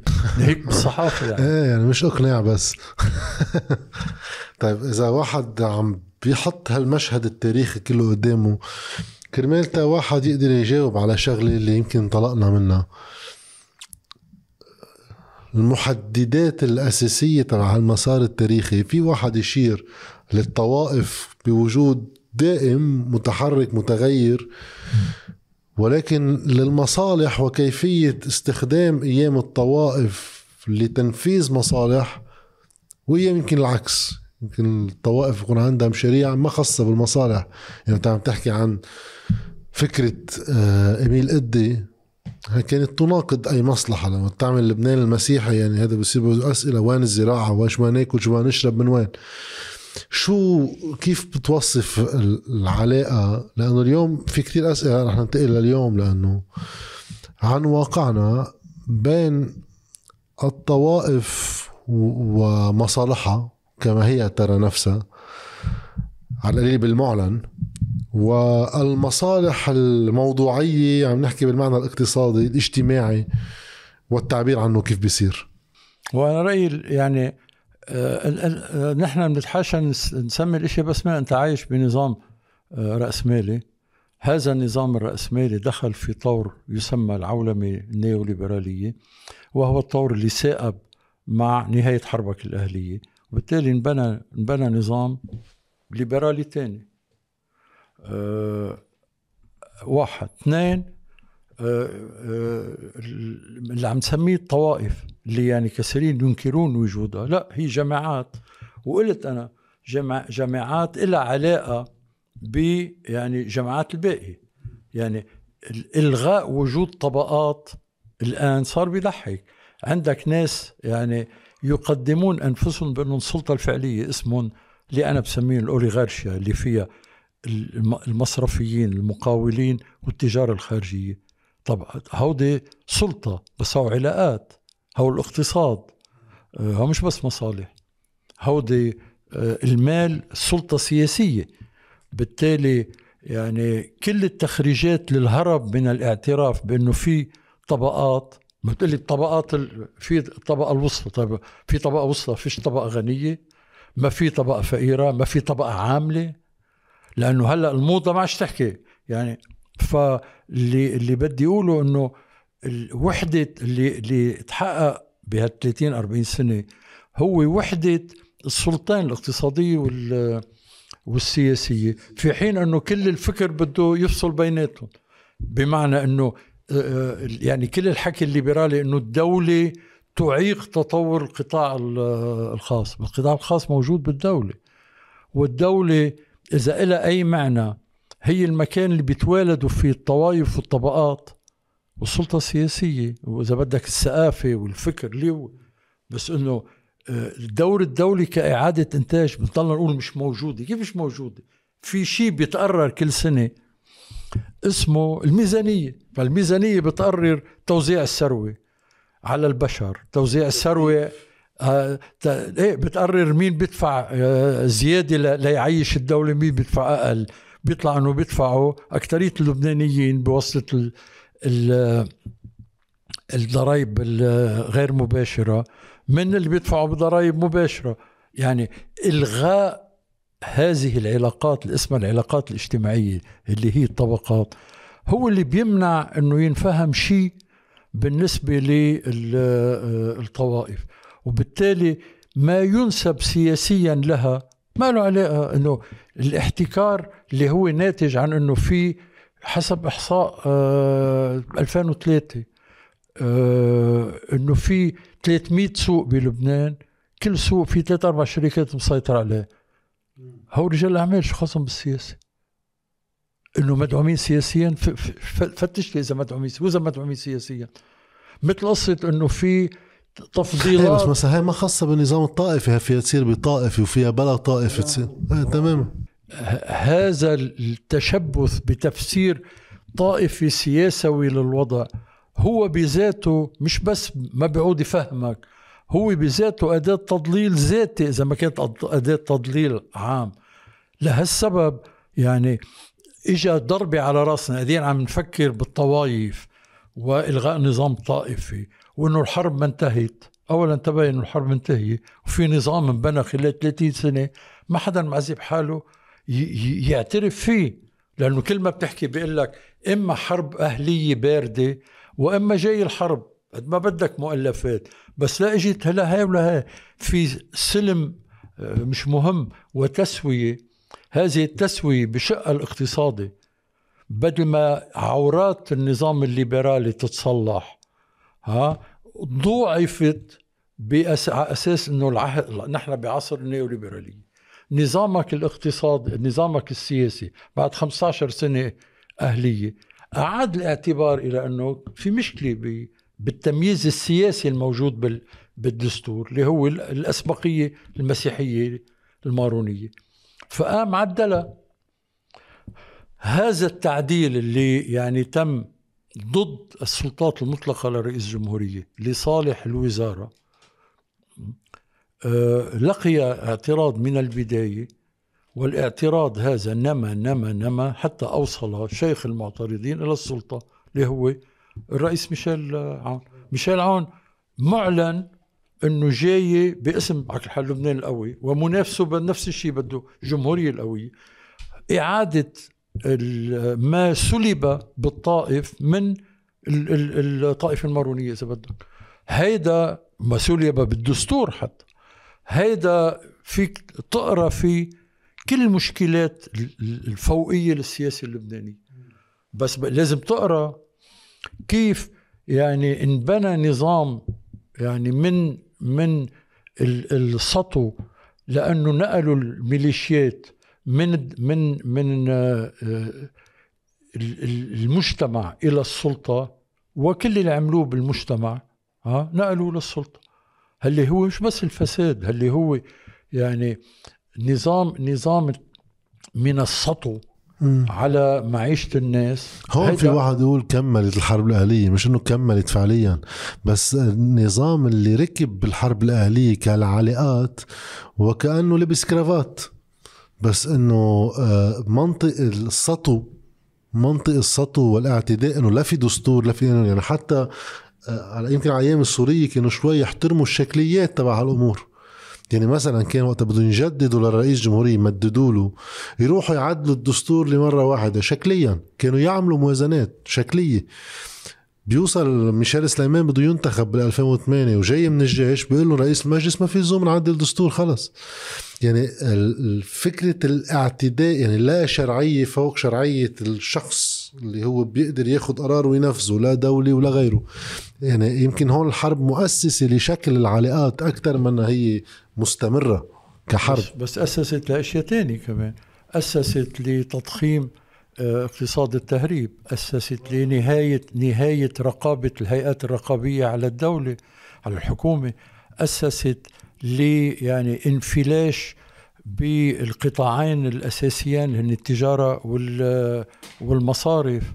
أسست لمجتمع استهلاك لأنه قيل لك عملت لك رخيصة خود قد ما بدك يعني قروض وبعدين لقي لي طيب okay. هيدا هيدا كمان اقتصاد حرب يعني آه لابس كرافات طيب بس هودي هودي اثنين آه موحدين فوق مش مفصولين. واللي واللي يعني آه بده يفكر بالسياسة آه في في شيء اسمه الصراع. نحن مش منتبهين إنه في ناس عم يشنوا حرب فعلية عليك على معيشتك على مدخراتك. يملكون الوسائل العسكرية لفرضها أمنية وبوليسية إذا بدك آه، خارج كل أنواع المساءلة.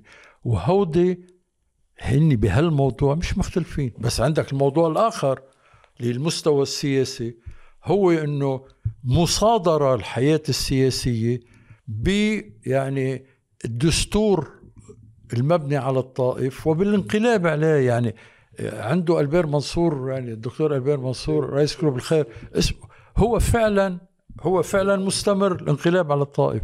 فهذا المستوى عقد لدرجة برأيي المسألة الطائفية بحيث إنه نمط المعالجة اللي أنا بقوله ساذج مع الاعتذار اللي اسمه إنه شلة طائفية ما بدي إياها بدي شيء تاني. يطرح عليك يعني التحدي الآتي في حل للمسألة الطائفية ما له علاقة لا بالاقتصاد ولا بالاجتماع أنا بدي أستشهد هون بدرس بليغ لشخص اسمه فؤاد شهاب. فؤاد شهاب قائد جيش جاء رئيس جمهورية بعد حوادث أهلية 58 كتير طريف يندرس شو طلع من 58 وشو طلع رفيق الحريري. من ال 75 89 هو قال السؤال الأول هو ماروني. قال لماذا ضمنا؟ ليش المسلمين خاصة سكان الأطراف تمردوا على الدولة ورجل دولة؟ طلع معه أنه المناطق آه، وضعها مزري. العشاير لم تدمج بالدولة اللبنانية. الزراعة ما حدا مهتم فيها. فطلع معه مشاريع من اولا هات لنشرك المسلمين أكثر بالسلطة السياسية. جاب رئيس وزراء قوي سلموا صلاحيات كاملة اللي هو رشيد كرامي. هات لنعدل تمثيل المسلمين بالإدارة. ما بدي ما دق النظام بالنظام الطائفي طيب. ثم قال يعني آه هذا البلد فيه تفاوت مناطقي مخيف وفي تفاوت اجتماعي مخيف. استوحى المشروع الفرنساوي اللي قدامه اللي هو الضمان الاجتماعي وجاب يعني بعثة الأب روبري اللي كشفت اشياء مخيفة بما في ذلك تخلف التعليم لرأيه ف شو عمل؟ تطور فوضوي للاقتصاد عمل له آه، بنك مركزي. وقفت كل البرجوازية الليبرالية ضده. صار يجيب ناس بيرضوهم جاب فيليب تقلة مثلا خذوا فيليب تقلة خذوا واحد بيقرب رئيس الجمهورية ميشيل خوري اللي بدك. هذا الرجل ختم حياته بحديث كتير طريف وأنا رأيي معبر مع الأب دو مع دوفرجيه موريس دوفرجيه العالم السياسي الفرنسي. دوفرجي عم عم يسأل عن موضوع الطائفي قال له أنا رأيي الموضوع الأساسي بلبنان ليس التسوية الطائفية الموضوع الأساسي بلبنان هو التسوية الاجتماعية. وقال له بعتقد هذا البلد على يعني برمي هذا عم عم بحكي نص حرفي المقابلة مع دوفرجي منشوره مش إنه مش مش حديث سري. هذا البلد على برميل آه، بارود إذا ما بيعمل عدالة اجتماعية. أنا رأيي اللي بده عن جد يناقش بقى بالمسألة الطائفية يفكر بالطرق غير المباشرة لتجويف الطائفية وجعلها بلا عازة.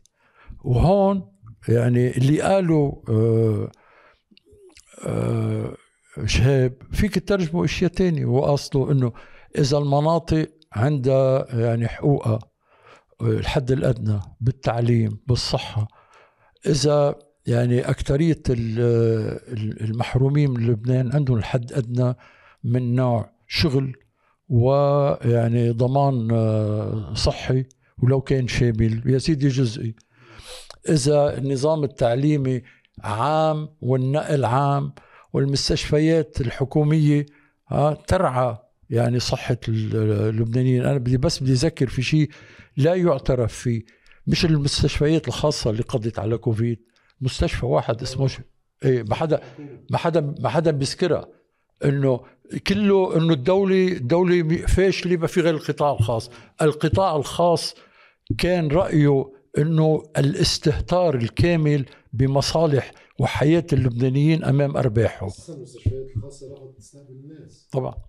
بس للقول بأنه إذا إذا هذا الجواب على التخفيف من الفروقات المناطقية عن التخفيف من الفروقات الاجتماعية إذا في إدارة يجري اختيارها بناء على الكفاءة إذا يعني ال ال في في احترام للعمل آه.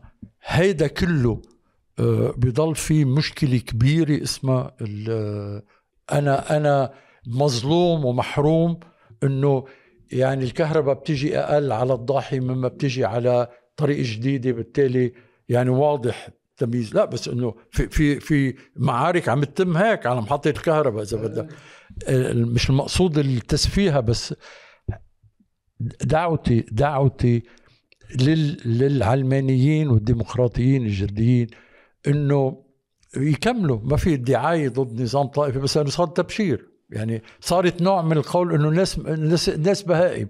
ما بيهمنا نعرف ليش الناس بيلحقوا آه الأحزاب. آه الناس ناس متخلفين بالوعي. بس إنه إذا يعني يهتم شوي بهالأمور مش بالسياسة الكبرى ولا ب يعني انتخابات الرئاسة. إذا ولا بشيء اسمه الصندوق السيادي. إذا يهتم بأنه في أكثرية المودعين يعني ينتشل القسم الأكبر من حقهم. إذا آه، آه، يدعم إعادة يعني جدوله آه، سرقات المصارف لما نسميه. إذا بنقال بدنا نظام ضريبي على على الدخل. إذا بنقال البنك الدولي عم يقول لك عمول نظام على ضريبة ضريبة ثروة. البنك الدولي بيقول لك. إذا إذا هذا النوع من التخفيف من الفوارق الطبقية والمناطقية وايجاد عمل لائق بالمعنى الحقيقي مش بعمل حكيت البنك الدولي للشباب اللبناني لأنه في عندك طاقات مذهلة بهذا البلد إذا هيدا يعني إذا في رقابة فعلية وأجهزة محاسبة ومساءله هيدي بتضل فيها طائفية إذا بتستمر؟ أنا رأيي لا على اللي بيبقى بس يمكن مبطل آه، فاعل سياسيا كلاعب أوحد هيك بالوعي بس رح هيك امشي بتاز شوي وناقشك بفكرة بالعرض التاريخي اللي تفضلت فيه في إشارة أوكي الوعي الذاتي على وجود الطائفة موجود منه جديد ولكن المحطات الأساسية بتاريخ هذا البلد وربما قبل قبل وجوده بس هيك المؤسسة لإمكانية وجوده كانت محكومة عمليات مصلحية وتوزيع ثروة فعليا وتوزيع نفوذ. مع وجود العوامل الطائفية. وهيدا اللي عم ترجع تأكد عليه اليوم إنه الطوائف ما فيها تنعزل عن فكرة المصالح لبل يمكن ما في واحد يقاربها إلا من هالباب كمقاربة تهدف إلى تغيير السطوة. المشكل الوحيد اللي بيصير لأنه هذا السؤال يعني من أكثر الأسئلة واحد بيسال على نفسه لأنه وقت واحد قررت انزل على انتخابات بصير واحد بده يجرب يعالج إشكاليات لأنه سيسأل عنها وبده يكون عنده جواب ولا شو نازل يعمل. طيب إذا واحد وأنا متفق معك بالمقاربة إزالة الفوارق واللي هو في يكون محل يرعى على القليلة على إنه تمييز من قبل طائفة أما غيره. من خلال معالجة هالإشكاليات وتحدثت عن الطبابة التغطية الصحية الشاملة أما الجزئية حسب الإدراك وغيرها من القضايا. بيبقى في سؤال. طيب أنا إذا عندي هذا المشروع وافترض قدر واحد يجتمع مع عدد من الناس وهالعدد من الناس يلاقوا تأييد كمان من جزء من هذا المجتمع. السؤال وين الأداة للتنفيذ؟ لأنه بالدول اللي نظامها شغال ما في إشكاليات بالغة فيه. بيوصل اذا نظام رئاسي بيوصل رئيس على الحكم بيجيب إدارته بيشتغل معه بياخذ قرار وينفذ القرار. إذا دولة برلمانية بتجيب حكومة وبتاخذ قرارات وينفذ القرار. بلبنان المشكل إنه الجهاز مطرح ما يتخذ القرار اللي اسمها حكومة مفروض. معطلة. تحت عناوين الكوتا الطائفية. من هون بتصير مش قصة مواجهة طائفيه يعني الغائها ولكن نرجع نقدر نخلق مركز حكم. ما في واحد كل ما بده ياخذ قرار يلاقي إجماع ممثلي الطوائف داخل الحكومة والتي لا يجب أن تؤلف إلا من كل المجلس النيابي لأنه ما بنكون ميثاقية إذا ما بنعمل هيك. فهون بصير في حياة سياسية عم تعطل نفسها. اي بس ما في ما في إنكار لهالشيء سوى إنه أنا عم أقول إنه هل طامحين فعلا للتغيير اللي بده يكون طويل البال؟ بدهم يتعاقدوا على آه، فكر. ما في شيء. والأداة اللي عم تسأل عنها هي الأحزاب والنقابات. يعني المفارقة أنه نحن عندنا 8000 10000 NGO بيبشروا لك. لا بيبشروا لك إنه هن بغيروا بتسألهم طيب التغيير بفرنسا وألمانيا وأمريكا بيعملوا ال NGOs ولا بتعملوا أحزاب؟ تماما. وأحزاب آه، يا هيك يا هيك يعني يا كوكا كولا يا بيبسي كولا تماما تماما. آه، هيدا هيدا ما فهمت. كلنا رأينا هذا هو النموذج. بس الأساسي بهالنموذج نحن ضده. ما في نقابات فيش آه، فاولا اولا هذا يعني الجواب الأول هاي الأدوات ها مش إنه في آه، في ناس اخذينها عاملين منا شيء ثاني بس ما في بيمنع إنه الناس تأسس أحزاب إذا بدها آه، تستوحي تستوحي المصالح الجديده وهي متواضعة المصالح الجديده مصالح جديدة بالبلد متواضعة. آه واحد. اثنين أن الدولة تمام بحصيلة الحرب أهلية والتسوية مفككة لثلاث مراكز. بس أنت الآن ما عندك يعني القدرة تلاقي حلول للمراكز. أنت مطلوب تعين بدقة كيف تشتغل هالمراكز. بمعنى ما؟ أنه اللي رأيه هلأ المهم مين جاي رئيس جمهورية وبحط يعني آه، مواصفات يعني آه، صف آه، علوم سياسية 101 ها وبيروح بيدور على الأحزاب الباقية. بيلاقوا كلهم متفقين انه نظيف وادمي وكفو إلى آخره. مين بده غير هيك. لا فهمت. اللي هو اولا عم ينسى إنه زحل مركز الثقل الكبير إلى البرلمان. اولا هو أصلا بالدستور مركز الثقل بالنظام اللبناني البرلمان مش الرئاسي. انتهى الرئيس. لأنه هو بينتخب الرئيس. والرئيس محدود الصلاحيات كان عنده حق يحل البرلمان بطل عنده حق. صح. وهو بينتخب الرئيس الوزراء وبيصادق على الوزارة. طيب وهو مصدر التشريع. فاولا اولا في غلط بتشخيص أين أين مركز السلطة. يعني أهمية هال هال هالاستحقاق يعني مش مش بغض النظر عن الاستحقاق عم أقول بتشخيص هالثلاثيه اللي عم تحكي عنها المضبوطة الترويكا. هيدا واحد. اثنين السؤال بتقدر تبني قوى تبلش تأثر في هذا النظام. يعني أنا اللي, اللي ما عم نعترف فيه أنه قوى التغيير الفعلية هي قوى متواضعة جدا أمام ضخامة السلطة وما تملكه من قوى شعبية. م. يعني هن فيهم ينزلوا لك مظاهرات قد مظاهراتك عشر مرات إذا بدك. وبيتفقوا عليها ما في مشكلة. يعني ثم أن الأسلوب الأوحد الذي هو الاحتجاج ومحاولة احتلال البرلمان قائم على فكرة إنه إذا عملت هالشيء بسقط النظام. طيب إذا هذا النظام اللي ما عم نقول كمان النظام مش بس الطبقة الحاكمة هذا النظام عم يعاد إنتاجه تدريجيا آه، بناء وتجاوز قد ما بيقدروا آه، أزمته الفعلية. ومنع أي إصلاح فعلي له أي إصلاح فعلي. يعني إذا واي اهتمام فعلي بقضايا الناس. يعني أنت كان عندك شيء اسمه البطاقة التموينية. بسوريا في بطاقة تموينية.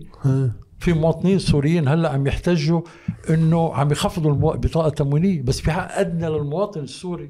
هو قديش بياخذ آه، سكر قديش بياخذ شاي قديش بياخذ عدس قديش بياخذ قمح قديش بياخذ أرغفة. طيب بلشنا بطاقة تموينية للمحتاجين. صارت اسمها بطاقة تمويلية وراحت. صار في شيء اسمه برامج الحماية. ما حدا بيعرف شنية نعم. بلش بلش بهالشيء. ثم أن المتضررين الأكثر ليسوا الفقراء أنفسهم فقط. اللي الازمه ضار بقطاعات واسعة من الطبقات الوسطى لفوق. تمام. يعني وقت البي وقت الطبيب بيهاجر ها وطبيب طبقة وسطى عالية. بيهاجر ما قدران يعيش مثل ما بده بس نعم. إنه أنت عم تخسر واحد الأزمة ما عاد توفر له مستوى معيشته وما عاد توفر له يقتصد بمستوى معيشته. بده يعيش بمستوى معين يصطفل بس هيدا ما حدا بيحكي عنه. زاحونا بالحكي إنه انهارت الطبقة الوسطى. ثم تبين إنه الطبقة الوسطى هي النظام كله سوا ولولا ما في شيء. طيب وقت تنضرب فعلا الطبقة الوسطى. ما حدا بيحكي الموضوع. طيب الطبقة الوسطى آه، والمواطنين ناس وين عايشين؟ بالسوق اولا. عنده معاش بنبحث صح. في في تسريح في بس السوق كوسيلة استغلال. ما حدا بيحكي عنه؟ بس طيب هل هل مسيطرين على الأسواق بأربع خمس قضايا حيوية وصل منهم ورثت آه، السيطرة تبع آه، تبع فترة الميليشيات اللي هن نفسهم يعني بعد عندك المحروقات بعدها هي نفس التركيب. صحيح. الطحين بعده هو نفس التركيب. عندك الأدوية في عندك كم شغلة ما فاتوا عليها. هيدي هيدي اللي اللي بده اللي بده يبني ببلش يتوجه بغض النظر اللي بيجي بيقول لك بلح يعملوا شيء إنه عم يضحك إنه هو فهمان. أنت عم عم تحكي مطالب لتقول للناس هي إمكانيات. لتقول للناس هي حقوقكم مش بالضرورة لتقول للناس يعني أنا عم أقول للناس رح تصير يعني. آه، قديش معقول تكون عم بتشوف اللي عم بيصير بالبلد اليوم؟ على رأي نوم تشومسكي عن موضوع آخر هو بيقوله بس بحس بتزبط هون بهيك إسقاط إنه manufacturing manufacturing consent محاولة صناعة الموافقة العامة على من خلال الأزمة من خلال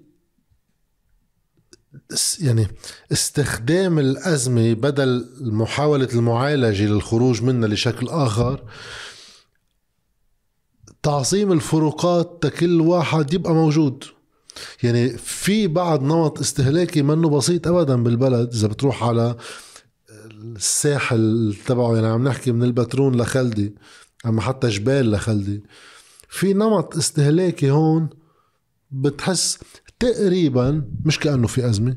في أزمة حتى بتنقطع الكهرباء على الكل. بس في قدرة واحد يجيب موتور على 24 ساعة. وبتلاقي في انهيار سريع وتتبلش تطلع على الأرياف أما تروح على الأطراف. وهيدا الشيء الخطر فيه مش هون وقوعه لأنه أي أوكي يمكن هيك عم بيصير. الخطر فيه إنه آه الكل بيمشي حاله. الخطر عليك كنظام هو إنه الطبقة الوسطى اللي بدها تعبر عن امتعاضها وهي قريبة من مراكز التأثير الثقافي يمكن بالساحل وبيروت بتحتويها بإمكانيات أفضل بتأمين بعض الأمور. والفقراء أنت عم تحتويهم من خلال وسائل بين مزدوجين الرعاية الاجتماعية للأحزاب القائمة على اختلافها. فأنت قادر تأمن استقرار على الرغم من الأزمة.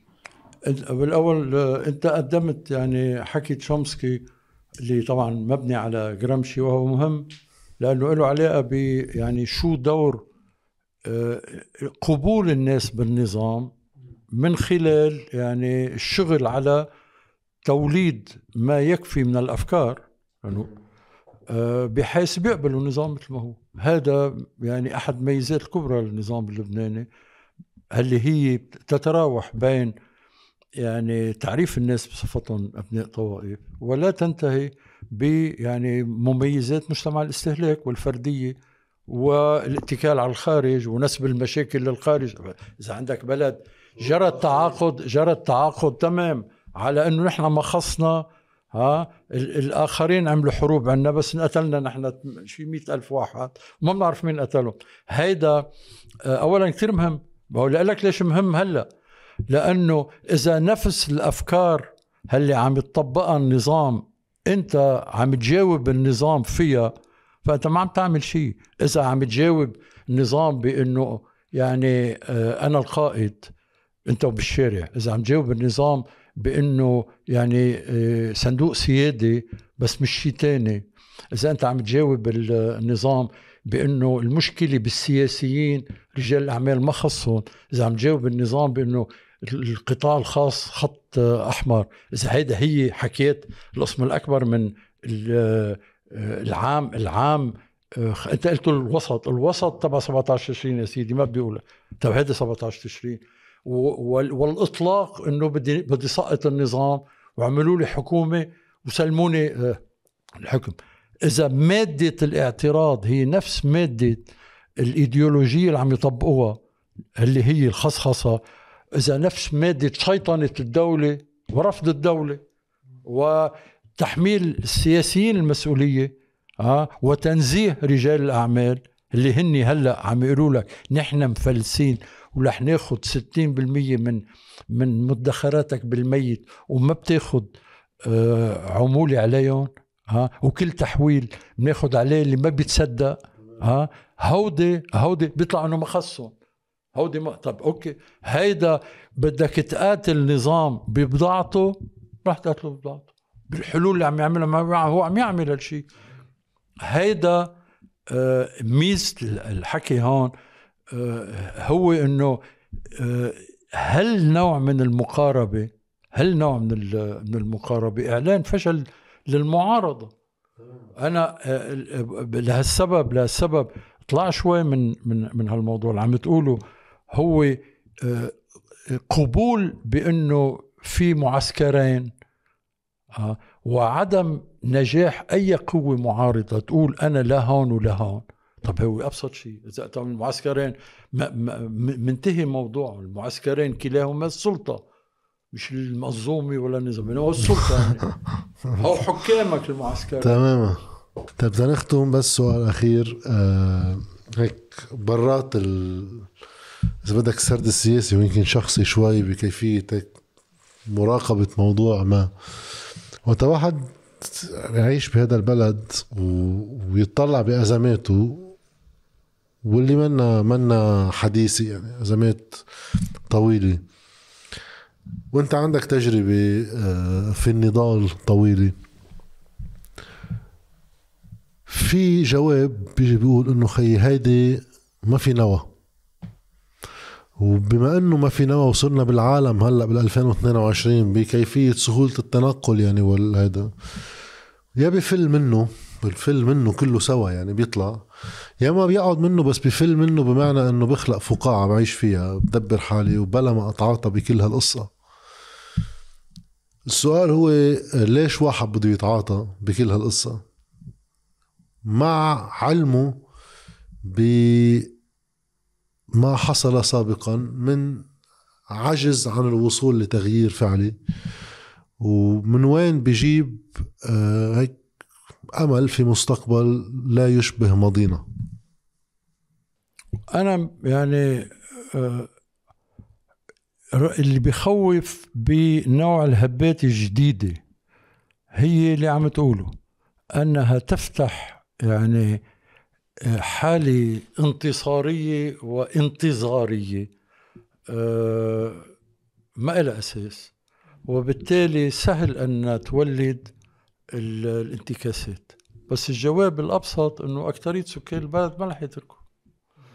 ويعني بحزن شديد الواحد بشوف حواليه طلابه وتلاميذه قرايبه حاملين حالهم ورايحين. أه بس في في شيء أنا رأيي تعلمناه مؤخرا. أنت بلشت 2011 ثم 2015 ثم 2019 أه بتقلي ما في تراكم كتير بقول لك إيه؟ بس فيني أقول لك شيء أكيد إنه أه الناس رح تضل تقاوم. يعني خذ نظام الملالي بإيران وجبروته. هاللي صار يعني واجه ثلاث انتفاضات كبيرة. طيب انتفاضة أكبر منهم كلهم ما صحيح إنه العلاقة بموضوع الحجاب فقط تخطت بكثير.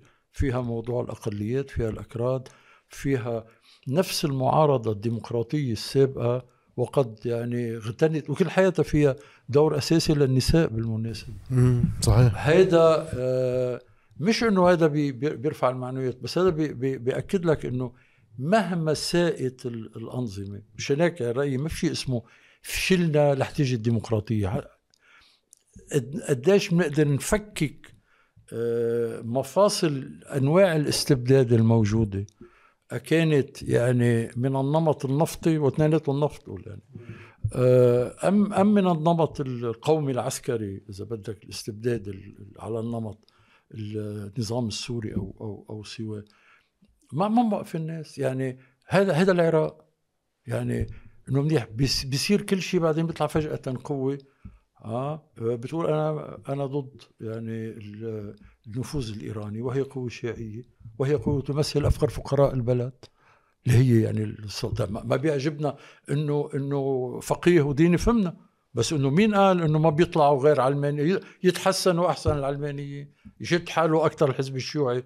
حاجة يعني أنجا نطلع نايب أو نايبين إنه آه إنه نحن بوضع جدا آه سيء والوضع العالمي سيء. هاي مش بس عنا بس نحن مصيبنا شوي أكبر. لا بس إنه وهذا هذا الانقسام مثل بعضه. في عندك جنوح نحو يمين فاشي عنصري إلى آخره بالعالم كله آه، بمقابل مشاريع إصلاحية للطبقة الوسطى آه، رضخت أمام النيوليبرالية طلع أنه يعني العمال والعاملين والفقراء والموظفين الصغار ضحايا ما عم تجي انت أنت ضحاياك صاروا ضحايا الحركة الاشتراكية الديمقراطية. وهود اللي يعني عم يصيروا فاشيين محلات تانية بيصيروا آه طيب نحن حدا بيسأل ليش واحد بيصير داعش والنصرة؟ رأينا هودي مش بشر طيب ما هو بشر. بيندرسوا ليش؟ نحن بالنسبة لنا داعش والنصرة هن أجانب. حالة هيك بتقطع إيه، وبتروح. إيه، لا فهمت. بس إنه مش تعبير اجتماعي عن الناس بالنسبة لهم تتساوى الحياة والموت مثل بعضهم. طب ليش؟ ليش هلأ اللي هو؟ بس إنه بعتقد بعتقد يعني الأمل الأمل يعني لازم لازم يضل واحد بلا أوهام يكون عنده أمل مش تفاؤل وتشاؤم. هو هو هو فرديين. الأمل له عليه شوي بالتاريخ شكرا لك. شكرا لك. عظيم.